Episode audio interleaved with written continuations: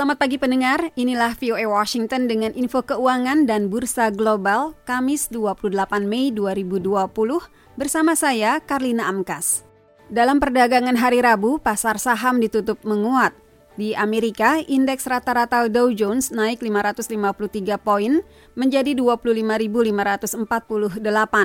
Indeks S&P 500 naik 44 poin menjadi 3.036 dan indeks komposit Nasdaq naik 72 poin menjadi 9.412. Di Eropa, indeks CAC 40 Paris naik 82 poin menjadi 4.689,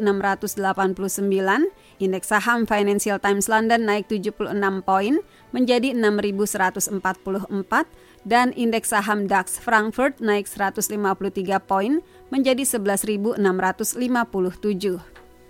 Di Asia, pasar saham ditutup bervariasi. Indeks Hang Seng Hong Kong turun 83 poin menjadi 23.301, tetapi indeks saham Nikkei Tokyo naik 148 poin menjadi 21.419.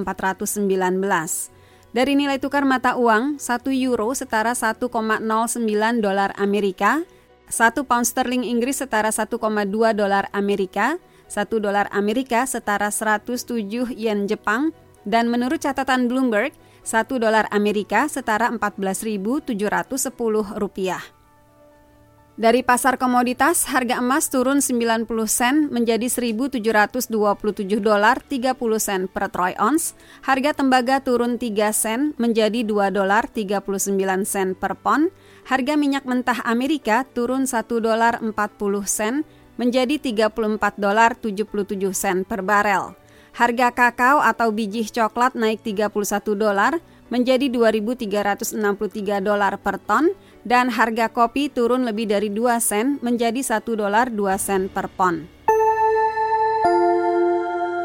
The Voice of America. Gaji para Chief Executive Officer, CEO perusahaan-perusahaan terbesar di Amerika, tahun lalu umumnya mencapai 12,3 juta dolar dan kesenjangan antara penghasilan pimpinan dan karyawan semakin melebar. Demikian hasil survei tahunan kantor berita Associated Press, AP, tentang gaji para CEO. Dalam survei itu, gaji rata-rata CEO naik 4,1 persen tahun lalu. Untuk pekerja biasa di perusahaan mereka, kenaikan gaji 3,2 persen. Jadi, perlu waktu 169 tahun bagi karyawan perusahaan S&P 500 untuk menghasilkan jumlah yang didapat CEO mereka, menurut data yang dianalisis Equilar untuk AP.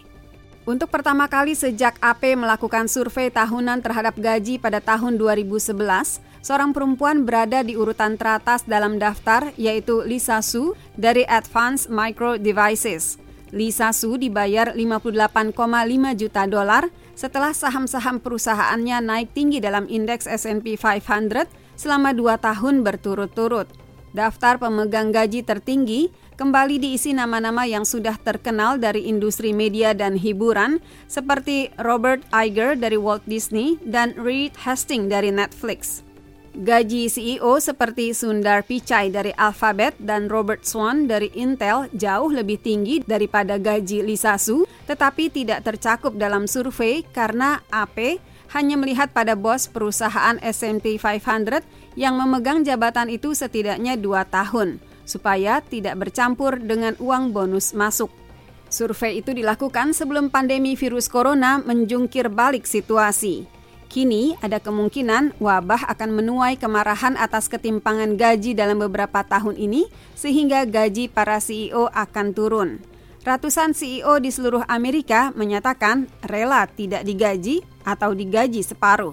Dan gejolak di pasar saham dan ekonomi global akan semakin menyulitkan CEO untuk memenuhi target kinerja sehingga kemungkinan tidak mendapat hadiah saham dan bonus yang merupakan sebagian besar gaji mereka. Dewan Direksi mungkin akan membuat perubahan pada rencana gaji guna melindungi CEO dari kerugian akibat resesi yang tidak terduga. Menurut konsultan dan investor, penyesuaian itu sudah dibahas dalam beberapa kali rapat.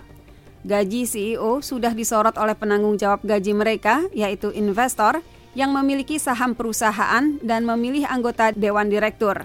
Menurut saya, semakin banyak investor yang menyadari bahwa gaji CEO terlalu tinggi, ujar Amy Boras, Wakil Direktur Dewan Investor Institusional. Bukan karena gaji mereka terlalu tinggi, tetapi mereka tidak memenuhi tuntutan kinerja perusahaan, ujar Amy.